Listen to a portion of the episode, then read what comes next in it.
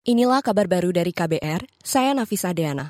Korlantas Polri dan Direktorat Jenderal Perhubungan Darat atau Ditjen Hubdat Kementerian Perhubungan mengatur perpanjangan pembatasan kendaraan angkutan barang selama arus balik Lebaran 2023. Ketentuan tersebut tertuang dalam surat keputusan bersama atau SKB yang disepakati kedua instansi tersebut. Dirjen Hubdat Kemenhub Hendro Sugiatno mengatakan, pembatasan angkutan barang pada tanggal 26 April pukul 00 WIB sampai 28 April 2023 pukul 24 WIB. Aturan tambahan pembatasan angkutan barang ini berlaku pada jalan tol Jakarta-Banten, Jakarta-Jawa Barat, tol Jawa Barat, Jawa Barat Jawa Tengah, dan ruas tol Jawa Tengah. Pengaturan baru ini, pengaturan tanggal 26, 27, 28, tambahan dari SKP ini hanya berlaku untuk wilayah eh, Jawa Tengah, Jawa Barat, Banten, dan DKI. Tidak berlaku nasional. Dirjen Hubdat Kemenhub Hendro Sugiatno menambahkan, selain di jalan tol, pembatasan juga dilakukan pada ruas non-tol di Jakarta, Banten, Jawa Barat, dan Jawa Tengah. Pembatasan dilakukan guna mencegah kemacetan di ruas jalan tol dan arteri saat balik lebaran.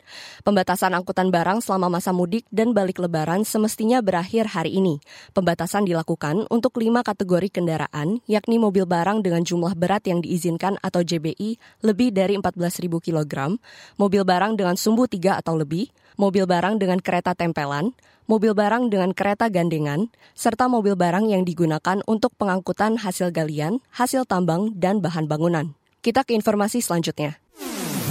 Kabar Pemilu Kabar Pemilu Koordinator Divisi Teknis Penyelenggaraan Pemilu KPU RI, Idham Holik mengatakan, pemilu 2024 harus terlaksana dengan baik dan bermartabat. Ia menyebut jika dalam proses pelaksanaannya nanti semua pihak harus terlibat dan berperan aktif dalam membantu menyukseskan pemilu.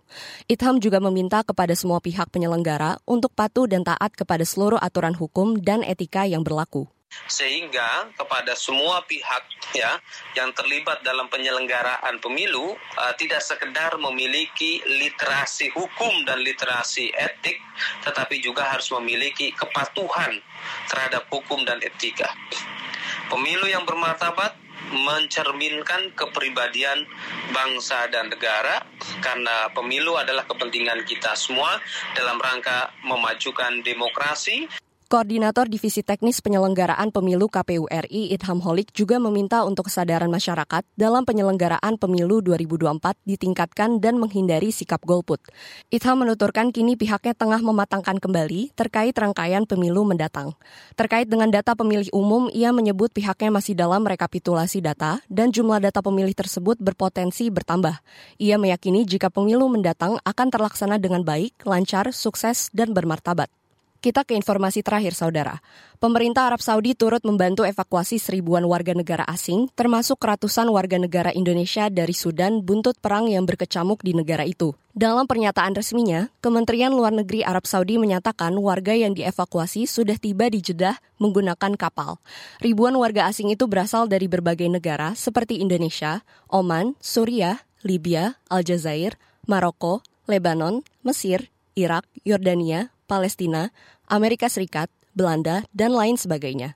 Sementara itu, pemerintah Inggris mengevakuasi 200 hingga 300-an warganya dari wilayah konflik Sudan. Dalam wawancara dengan kanal berita Sky News, Menteri Dalam Negeri Inggris Suella Braverman menyebut operasi ekstensif sedang dilakukan untuk membantu warga Inggris yang terdampar di negara Afrika Utara itu.